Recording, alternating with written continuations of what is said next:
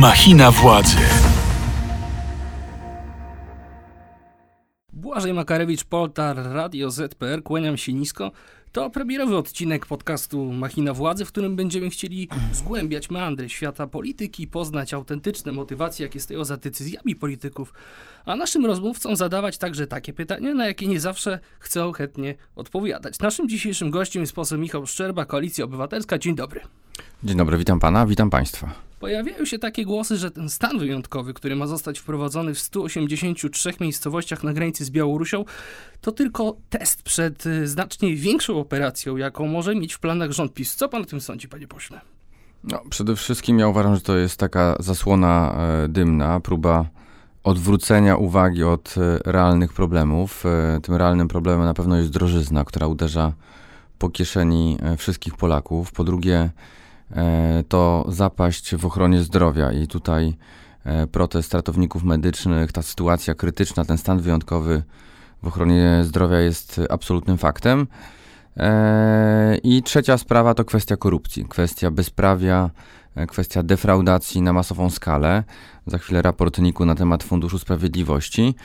PiS tę drożyznę, e, ten kryzys w ochronie zdrowia e, i szalejącą korupcję chce przykryć e, stanem wyjątkowym. Ale pana zdaniem, co się właściwie e, dzieje w tej chwili na granicy z Białorusią? Rzeczywiście mamy do czynienia z kryzysem migracyjnym, czy jednak wszystko to, co robi wokół tej sytuacji rząd jest jednak nieadekwatne do sytuacji? No, przede wszystkim e, e, od czego się wymaga od państwa? Od państwa się wymaga i od rządzących, żeby zapewnili ochronę granic, w szczególności jeżeli jest to granica zewnętrzna e, Unii Europejskiej i można powiedzieć, że od dwóch miesięcy mamy do czynienia tu z całkowitą bezsilnością. E, Rządzą nami e, niedościęgnieni nieudacznicy, którzy nie potrafią, mając do dyspozycji straż graniczną, mając do dyspozycji odpowiednią aparaturę, sprzęt, nie potrafią tej granicy e, upilnować i to jest, to jest pierwsza sprawa. No i mamy do czynienia również z kryzysem e, humanitarnym, bo przecież z jednej strony wymagamy od państwa szczelności granic, ale z drugiej strony wymagamy mm, tego, żeby w sytuacji, kiedy e, są tam zakładnicy Łukaszenki, którzy, którym nie, nie udziela się pomocy medycznej, nie udziela się e, pomocy humanitarnej, po prostu warto im podać rękę. Znaczy, Irena Sendlerowa mówiła, każdemu, kto tonie, należy podać rękę. Nie, niekoniecznie tych ludzi trzeba wpuszczać, ale e, no, po prostu trzeba dać im e, takie zasoby, żeby mogli e, przeżyć. Ale czy pan zgadza się z tym, co mówi rząd, że mamy do czynienia w tej chwili z wojną hybrydową, którą Polsce wypowiedziała Białoruś? Zresztą nie tylko Polsce, bo też mowa i o Litwie na przykład. Ja jestem w pełni świadomy tego, że mamy do czynienia z przestępczą działalnością reżimu e, Łukaszenki, e, który dodatkowo zarabia na, e, na tej operacji e, uchodźczej, czy, czy imigranckiej. Znaczy stwarza okoliczności, możliwości e, za grube, za grube e, tysiące dolarów e, przerzucania ludzi e, za granicę e, białoruską, umożliwiając e, e, wejście na teren e, Unii Europejskiej. Jest to oczywiście e, działalność przestępcza, ponieważ prawdopodobnie mamy do czynienia e, ze zmasowaną akcją, której celem jest pozyskanie dodatkowych funduszy dla ludzi reżimu. Znaczy, od dawna, ja byłem w zeszłym roku w Mińsku na, na wyborach, byłem obserwatorem, jedynym w sumie parlamentarzystą e, obserwującym te wydarzenia i miałem pełne przekonanie, że Aleksander Łukaszenko przygotowuje swój plan B. Plan B to jest opuszczenie Białorusi, mm, wtedy, kiedy będzie e, sytuacja zagrożenia dla niego, dla jego rodziny, dla jego bezpieczeństwa. W związku z powyższym potrzebne są mu pieniądze. Być może ta operacja, która jest w tej chwili prowadzona, to jest również pozyskiwanie e, środków na jego dalsze, dostatnie życie, być może w jakimś e, kraju arabskim, e, na pewno poza Białorusią. To jako koalicja obywatelska, co byście w tej sytuacji zrobili? Pańskim zdaniem należałoby teraz podjąć jakieś rozmowy z Łukaszenką? Szczerze powiedziawszy, byłoby to bardzo trudne. Uważam, że mm, obowiązkiem państwa jest chronienie granicy. Robią to Litwini e, i o tym kryzysie na granicy białorusko-litewskiej wiemy przecież od, od dwóch przynajmniej miesięcy. No więc pytanie jest, co robił Morawiecki, co robił Błaszczak, e, co robił Wąsik z Kamińskim e, pod koniec czerwca, w lipcu czy w sierpniu. Znaczy, Ale teraz rząd chroni Panowie- panowie byli- po- panowie byli na wakacjach, a do tej pory na wakacjach przebywa Jarosław Kaczyński, nie wiadomo tylko gdzie. Wicepremier do, do spraw bezpieczeństwa, można powiedzieć, poszukiwany, poszukiwana, ktokolwiek widział, ktokolwiek wie. Niech się zgłosi i powie, gdzie jest wicepremier Mm, Kaczyński, ale sprawa jest absolutnie e, poważna. Natomiast nawet mimo wagi tej sytuacji na granicy, no nie jest możliwe, żeby wobec obywateli Rzeczpospolitej Polskiej e, stosować jakieś e, ograniczanie praw obywatelskich, czy też stosować takie ograniczenia wobec wolnych mediów, które mają prawo jednak relacjonować to wszystko, co się dzieje na granicy, mają prawo oferować pomoc humanitarną, bo do tego zostały powołane organizacje pozarządowe. Do tego, do tego jest Polski Czerwony Krzyż. To ciekawe, rząd bezprawnie używał jego e, znaku zastrzeżonego, co jest oczywiście też zagrożone sankcją karną, e, no próbując organizować ten propagandowy konwój na Białoruś. Czyli rozumiem, że jesteście jako koalicja obywatelska zdecydowanie przeciwko tej decyzji o stanie wyjątkowym. Znaczy, po pierwsze, nie mamy, e, nie znamy ani treści rozporządzenia Rady Ministrów, ani nie znamy jego w szczególności uzasadnienia. Ja jestem przekonany o tym, że mamy do czynienia z sytuacją, którą można porównać z takim filmem, być może Państwo pamiętacie, mm, Fakty i mity. E, e, e, aktorami w nim byli, był Dustin Hoffman i Robert De Niro. Prezydent Stanów Zjednoczonych był oskarżony o jakieś molestowanie seksualne dziewczynki, więc wymyślono wojnę z Albanią. Dlaczego nie Albania? po to, żeby odwrócić uwagę wszystkich mediów opinii publicznej od tego realnego problemu. Tutaj nie mamy do czynienia z dziewczynką i z molestowaną dziewczynką, ale mamy do czynienia właśnie z drożyzną, z zapaścią w ochronie zdrowia i z totalną i z, totalną, z totalnym nepotyzmem, który po prostu się rozlewa po całej Polsce, e, którego, którego tylko symbolem w ostatnim okresie stał się ten słynny mail Cześć wujku, e, gdzie rodzina Brudzińskiego bezczelnie bez żadnego skrępowania wskazywała dokładnie miejsce, gdzie chce być zatrudniona. No właśnie, to jest jedna kwestia, ale na pewno obserwuje pan ostatnie sondaże i z nich y, chyba jasno wynika, że to, co się dzieje w tej chwili na granicy z Białorusią i ta polityka, którą prowadzi rząd Morawieckiego, no doprowadziła do tego, że PiSowi rośnie poparcie pierwszy raz od kilku miesięcy. No, PiS zna sondaże i PiS wie, że y, zarządzanie strachem już raz się sprawdziło w 2015 roku. E, a ponieważ nie ma recepty na kryzys w ochronie zdrowia, nie wie jak sobie poradzić z tą totalną e, korupcją, która ogarnia e, i sferę zatrudnienia, i sferę zakupów, i sferę zamówień. Znamy to z pandemii, jak, jak kupowali chociażby respiratory, na których miał zarabiać handlarz bronią, a nie, a nie w interesie pacjentów. W związku z powyższym próbują odwracać uwagę i myślę, że ten stan wyjątkowy to jest wytwór PR-owców PR-owców e, e, pisowskich, tych wszystkich e, ludzi pozatrudnianych gdzieś tam w bankach, w spółkach, na etatach doradczych, którzy się uaktywniają wtedy, kiedy powstaje sytuacja kryzysowa. Ewidentnie mamy do czynienia z sytuacją kryzysową, ale to jest sytuacja kryzysowa rządu, tej ekipy, a rząd po prostu powinien chronić granice.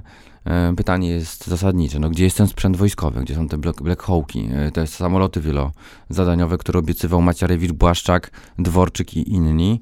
Tylko jest tego, imponujący płot. Jest imponujący płot, który jest e, każdy w stanie jednym ruchem przejść. W związku z powyższym jest to pokaz nieudolności tej ekipy.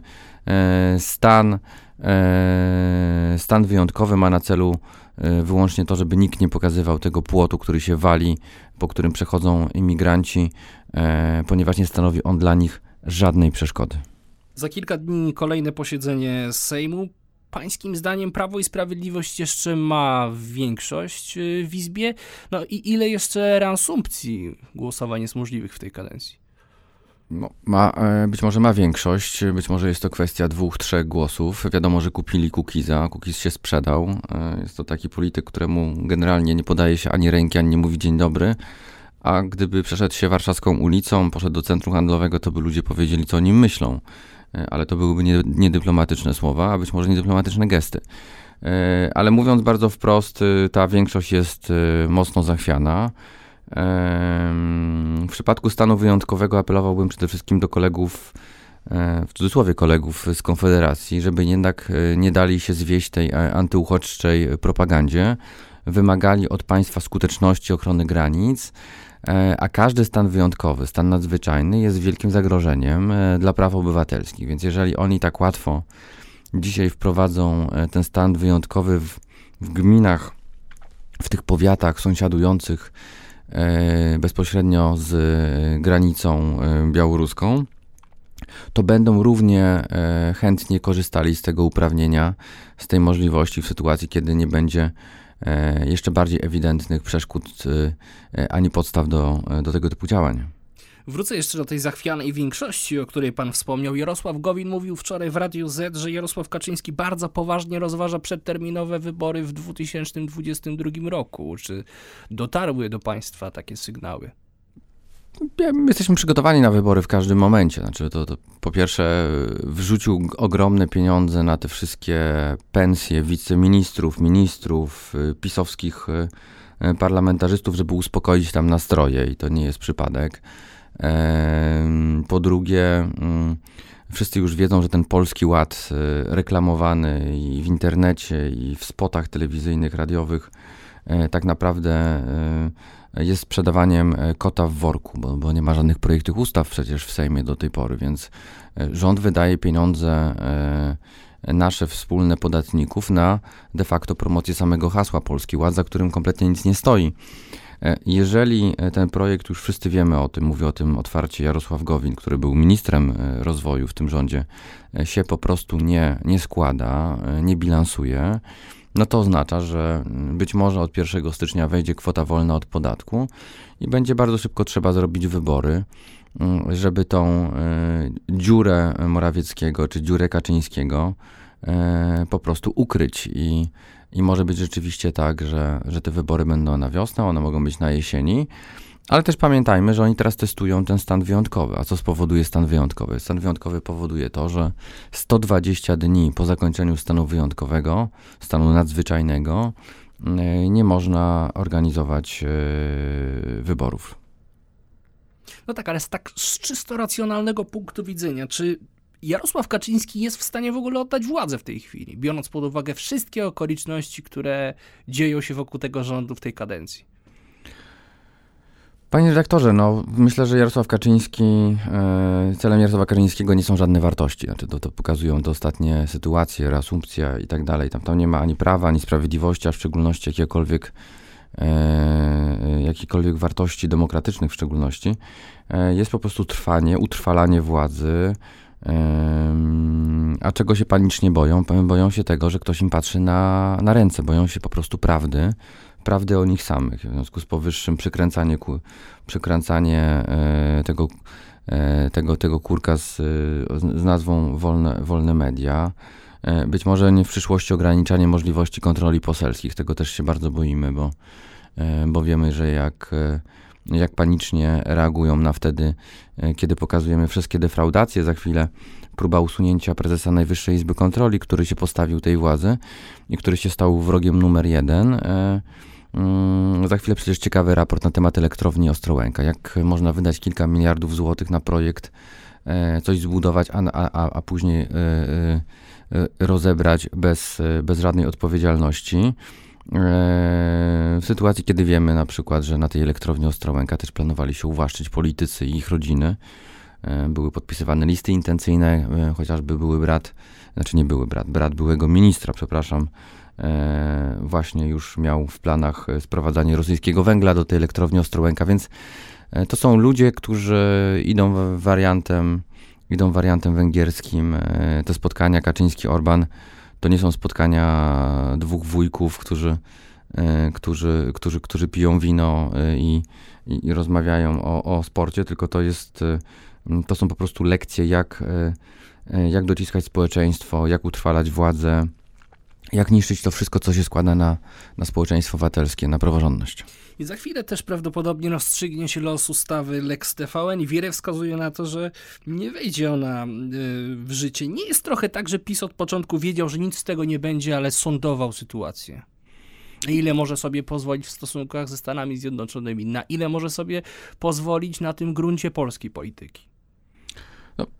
Trudno powiedzieć, jak będzie. Znaczy ja, ja uważam, że to jest też taka, prób, taka zmyłka. E, myślę, że e, Senat, demokratyczny Senat pod wodzą marszałka Grodzkiego oczywiście odrzuci tę ustawę, haniebną ustawę, ma to na to jeszcze e, kilka tygodni i, e, i ta ustawa wróci do Sejmu i, i wtedy zobaczymy, no, ile jest tych przekupnych posłów, e, tych konfederatów, e, e, którzy mm, e, targowiczan, którzy, którzy, którzy zdradzili i i, i wyjdzie szydło z worka, można powiedzieć. Natomiast y, ja realnie boję się to, że, te, że, że ta ustawa może przejść jednym głosem przez Sejm, a następnie prezydent Duda, który jasno nigdy nie sformułował e, e swojej postawy wobec Lex anty-TVN, na przykład odeśle tę ustawę do mm, Trybunału Przyłębskiej, a co się stanie z, w Trybunale, no to już ustali Jarosław Kaczyński e, z Julią Przyłębską na, na, na,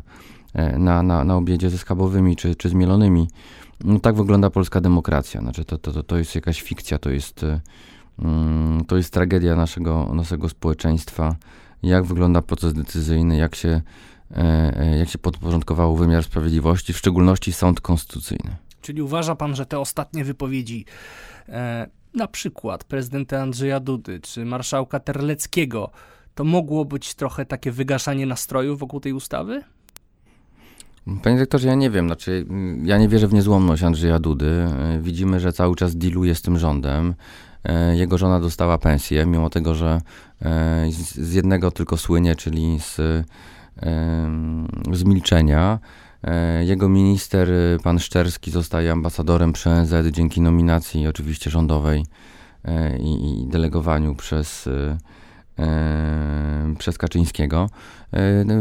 Tam jego, jego, jego ministrowie uzyskują e, intratne miejsca w spółkach Skarbu Państwa. E, pani Sadurska w PZU, e, teraz pan, pan Mucha, inni. Pan Mucha oczywiście został doradcą prezesa NBP. To są dziesiątki tysięcy, miliony złotych, które, które ci ludzie po prostu, mówiąc wprost, E, wynoszą z tych, z tych miejsc, które, do których zostali mm, wysłani. E, więc ja w niezłomność Dudy nie wierzę. Myślę, że on gra, myślę, że oszukuje. Myślę, że jest taki sam jak oni wszyscy. E, więc w sprawie Lex Anty-TVN nie wierzę mu ani na jotę. Wyobraźmy sobie na chwilę, że ten scenariusz, o którym mówił Jarosław Gowin, jednak się ziści i będziemy mieć przyszło, przysz, przyspieszone wybory e, w przyszłym roku. Pańskim zdaniem opozycja powinna iść do tych wyborów jednym szerokim frontem, czy jednak podzielić się na kilka bloków? Myślę, że głównym celem powinna być skuteczność, znaczy skuteczność tego, w jakiej formie pójść.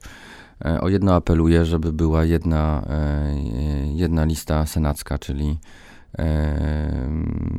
można powiedzieć od Platformy Obywatelskiej poprzez PSL, e, nawet, nawet przez Hołownię i do, do Lewicy, to nam daje naprawdę dużą szansę. Symulacje pokazują, że nawet 75 mandatów na 100, e, czyli taka powiedziałbym zdecydowana tym razem e, większość w Senacie. No i pytanie, co z Sejmem? Ja jestem zwolennikiem dużego porozumienia. Mm, na pewno z Szymonem Hołownią, być może E, z PSL-em, chociaż to teraz będzie przy przyjęciu e, na pokład Jarosława Gowina dosyć trudne dla, dla naszych wyborców. E, no, lewica niestety tutaj jest pewnym problemem. Lewica straciła swoją wiarygodność, szczególnie wtedy, kiedy zamknęła się z Morawieckim w tym ciemnym gabineciku i wspólnie paktowała nad tym, jak za nic sprzedać to głosowanie nad Funduszem Odbudowy. A przypomnijmy, E, była, była narracja o jakichś mieszkaniach na wynajem.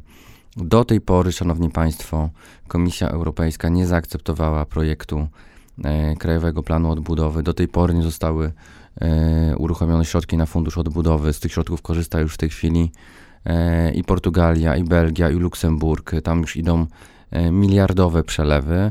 Polski rząd to rząd nieudaczników i do tej pory, wtedy kiedy nawet dostali za darmo głosy E, lewicy e,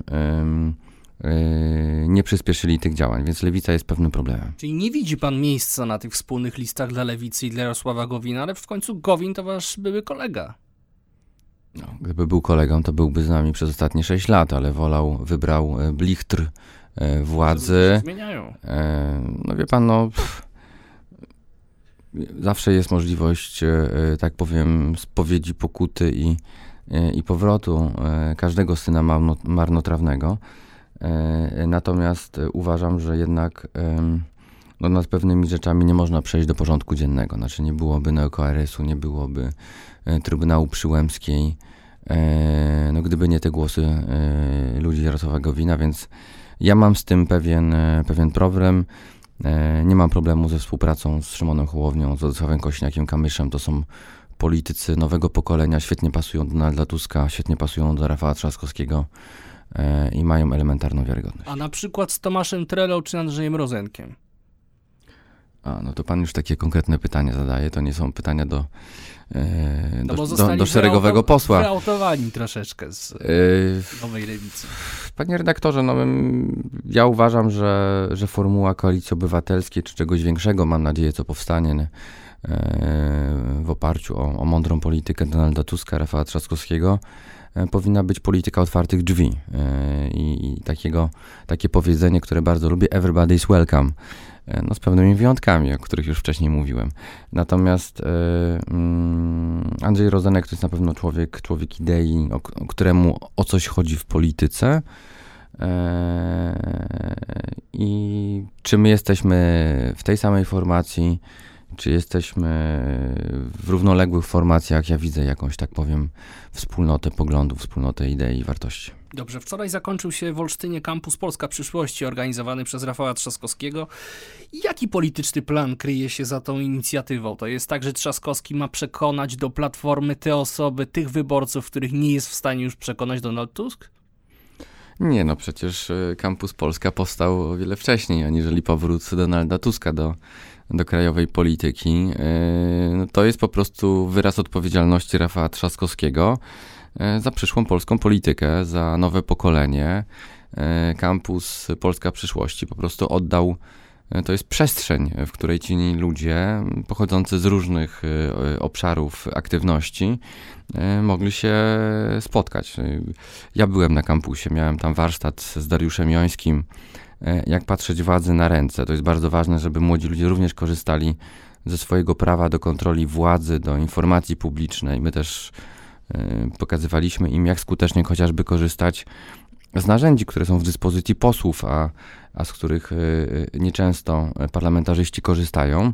My staramy się to robić, e, więc kampus na pewno motywuje, inspiruje, integruje, e, ale też wzrusza. I takim wzruszeniem na pewno było spotkanie z Wandą Traczyk-Stawską czy z Anną Przedpełską Trzeciakowską, czyli powstańczyniami, które przybyły i które dzieliły się swoimi e, wspomnieniami, ale również inspirowały do aktywności, bo o wolność trzeba walczyć każdego dnia. No tak, ale wie pan, ja już wiele lat obserwuję polską scenę polityczną i nie przekona mnie pan do tego, że Kampus Polska Przyszłości to było wydarzenie, które miało na celu po prostu zrobić fajną imprezę dla młodego pokolenia, że nie kryje się za tym żaden cel polityczny, długofalowy. No, celem jest oczywiście aktywność tych ludzi, ale ta aktywność może być różna. Oczywiście zachęcamy. No właśnie, co będzie dalej? Zachęcamy, zachęcamy do tych, y, tych, którzy chcą być w polityce, jak to powiedział Rafał Trzaskowski, być radnymi, posłami, ministrami, do członkostwa w partiach politycznych, w młodzieżówkach, y, w, w samorządzie. Tych, którzy chcą tworzyć, a było bardzo, bardzo, bardzo duża grupa ludzi kultury, młodych ludzi kultury, którzy chcą być filmowcami, chcą być e, artystami, czy już nawet są nimi, e, żeby również używali tych dostępnych środków wyrazu do tego, żeby walczyć no, o swoje prawa i o, o swoją podmiotowość. Mm, więc można powiedzieć, że, że to była oferta. Spotykałem tam ludzi z Polski 2050, z to ciekawe, spotkałem nawet posłów, e, czy lewicy, czy porozumienia, więc była to bardzo otwarta e, e, formuła spotkania, debaty na luzie, ale z dużą troską i odpowiedzialnością za przyszłość Polski. A uważa pan, że niektóre wypowiedzi, które tam padły, mówi tutaj o prelegendach, to jednak nie były najszczęśliwsze. Chociażby ta wypowiedź marszałka Grodzkiego o konieczności redukcji szpitali w Polsce. Panie redaktorze, no jak czyta się mm, ten projekt y, KPO, czyli Krajowego Planu Odbudowy, to rząd tam sam mówi, że e, część szpitali y, nie ma tych określonych specjalizacji medycznych, czy tych oddziałów, które są niezbędne. W związku z tym potrzebna jest ich restrukturyzacja. To słowo restrukturyzacja przecież odmieniają przez przypadki. W związku z powyższym to jest odpowiedzialność rządu. Ja nie będę, ja nie będę, nie będę im doradzał, bo chciałbym, żeby jak najszybciej E, odeszli. E, natomiast na pewno jest tak, że e, Polki i Polacy nie są zadowoleni z ochrony zdrowia, z poziomu, z jakości. Wtedy, kiedy pojawia się choroba, niesamodzielność, wtedy, kiedy pojawia się chociażby choroba nowotworowa, bardzo dużo terapii onkologicznych jest w Polsce niedostępnych. Pojawiają się zbiórki, pojawiają się zrzutki, pojawia się szukanie pomocy za granicą, ponieważ państwo polskie nie, E, nie wypełnia swojej podstawowej roli, czyli nie, zapewnienia, nie zapewnia bezpieczeństwa zdrowotnego. No bo służba zdrowia jest nie, głęboko niedofinansowana w Polsce, tylko pytanie, czy jednej strony szpitali to jest rozwiązanie? Nie, nie, na pewno nie jest e, rozwiązaniem, na pewno jest e, jakaś forma koncentracji po to, żeby być bardziej efektywna, powinna być bardziej efektywna ta, ta ochrona zdrowia, ale elementem tej, tej efektywności powinna być troska o o medyków. Znaczy 10, 11 września odbędzie się w Polsce w sobotę wielki protest y, zawodów medycznych. Ja już dzisiaj rozmawiam z Dariuszem Jońskim, z pielęgniarkami. Mamy spotkanie umówione z ratownikami medycznymi. Już się włączaliśmy w te działania przed wakacjami. Uważamy i chcemy stworzyć wspólną presję na rząd, żeby, żeby te płace minimalne, wynagrodzenia ochrony zdrowia no, nie powodowały tego, że że młodzi ludzie, którzy wchodzą w zawód pielęgniarki, pielęgniarza, ratownika medycznego, traktowanego przez Ministerstwo Zdrowia cały czas jako inny zawód medyczny, nawet nie ma e, tej nazwy używanej, nie ma ustawy w Polsce o ratownikach medycznych. Taką ustawę chociażby wywalczyli fizjoterapeuci. E, dwa miesiące przespane, znaczy Niedzielski, jego ekipa, no nie wiem gdzie byli przez ostatnie dwa miesiące. To był czas na negocjacje, to był czas na rozmowy, a nie sytuacja taka, że ratownicy mm, w tej chwili w oparciu o swoje kontrakty, bo nawet nie mają umów o pracę, e, mogą z dnia na dzień e, e, po prostu rezygnować z pracy w ramach protestu. Kampus Polska Przyszłości po raz kolejny zbliżył do siebie PiS, Lewicę i TVP Info, bo wszystkie te, nazwijmy to, formacje solidarnie was krytykowały. Ja akurat tej, tej krytyki lewicy nie słyszałem, być może nie miałem czasu. Robert Biedroń mówił na przykład, że kampus e, jest za mało progresywny, za dużo dziaderstwa tam. No nie wiem, kto był, kto był, kto był, kto, kto był tym dziadersem według Roberta Biedronia. Chyba o Donalda Tuska mu chodziło. A, no to myślę, że no to nie jest słowo, które powinien używać europoseł e, w odniesieniu do osób, które są najbardziej doświadczone, no i jednak tym doświadczeniem biją na głowę nawet niektórych europarlamentarzystów wielokrotnie. E, e, ale ja tam spotkałem Jana Komasa, który mówił o swoim nowym filmie, e, a film będzie właśnie, to jest bardzo ciekawy, o, o społeczności LGBT i to takim w ciekawym wymiarze sportowców. Na pewno Jan Komasa nie jest dziadersem, jest, jest filmowcem, jest ambasadorem polskiej kultury, czego przykładem była chociażby ta, ta kampania Oscarowa. E, spotykałem młodych naukowców, spotykałem e, ekspertów e, z Fundacji Botarego, Grzegorza Makowskiego, który przygotowuje w tej chwili projekt ustawy o sygnalistach, ponieważ w Polsce sygnaliści, czyli ci odpowiedzialni ludzie w strukturze państwa, którzy mówią o defraudacjach, o nieprawidłowościach, po prostu są, nie są chronieni. Więc, y, a bardzo często prokuratura używa tego artykułu 212 kodeksu karnego, czyli zniesławienie, wtedy kiedy źle mówią o jakiejś prokuraturze czy o jakimś mm, e, porcie lotniczym, chociażby w Rzeszowie, ujawniając e, loty Kuchcińskiego, który woził koszulę z Warszawy do, do Rzeszowa i z powrotem, e, samolotem zarezerwowanym na potrzeby mm, wyłącznie ochrony, ochrony najwyższych urzędników. E, więc to wszystko powoduje, że to był bardzo ciekawy projekt, który będzie kontynuowany. To nie był jednorazowy event, e, to, to była pierwsza edycja i zaraz spotykamy się znowu na kampusie. Dobrze, bardzo dziękuję panie pośle za naszą dzisiejszą rozmowę. To był podcast Machina Władzy. Do usłyszenia za tydzień. Dziękuję bardzo. Machina Władzy. Więcej podcastów na player ZPL.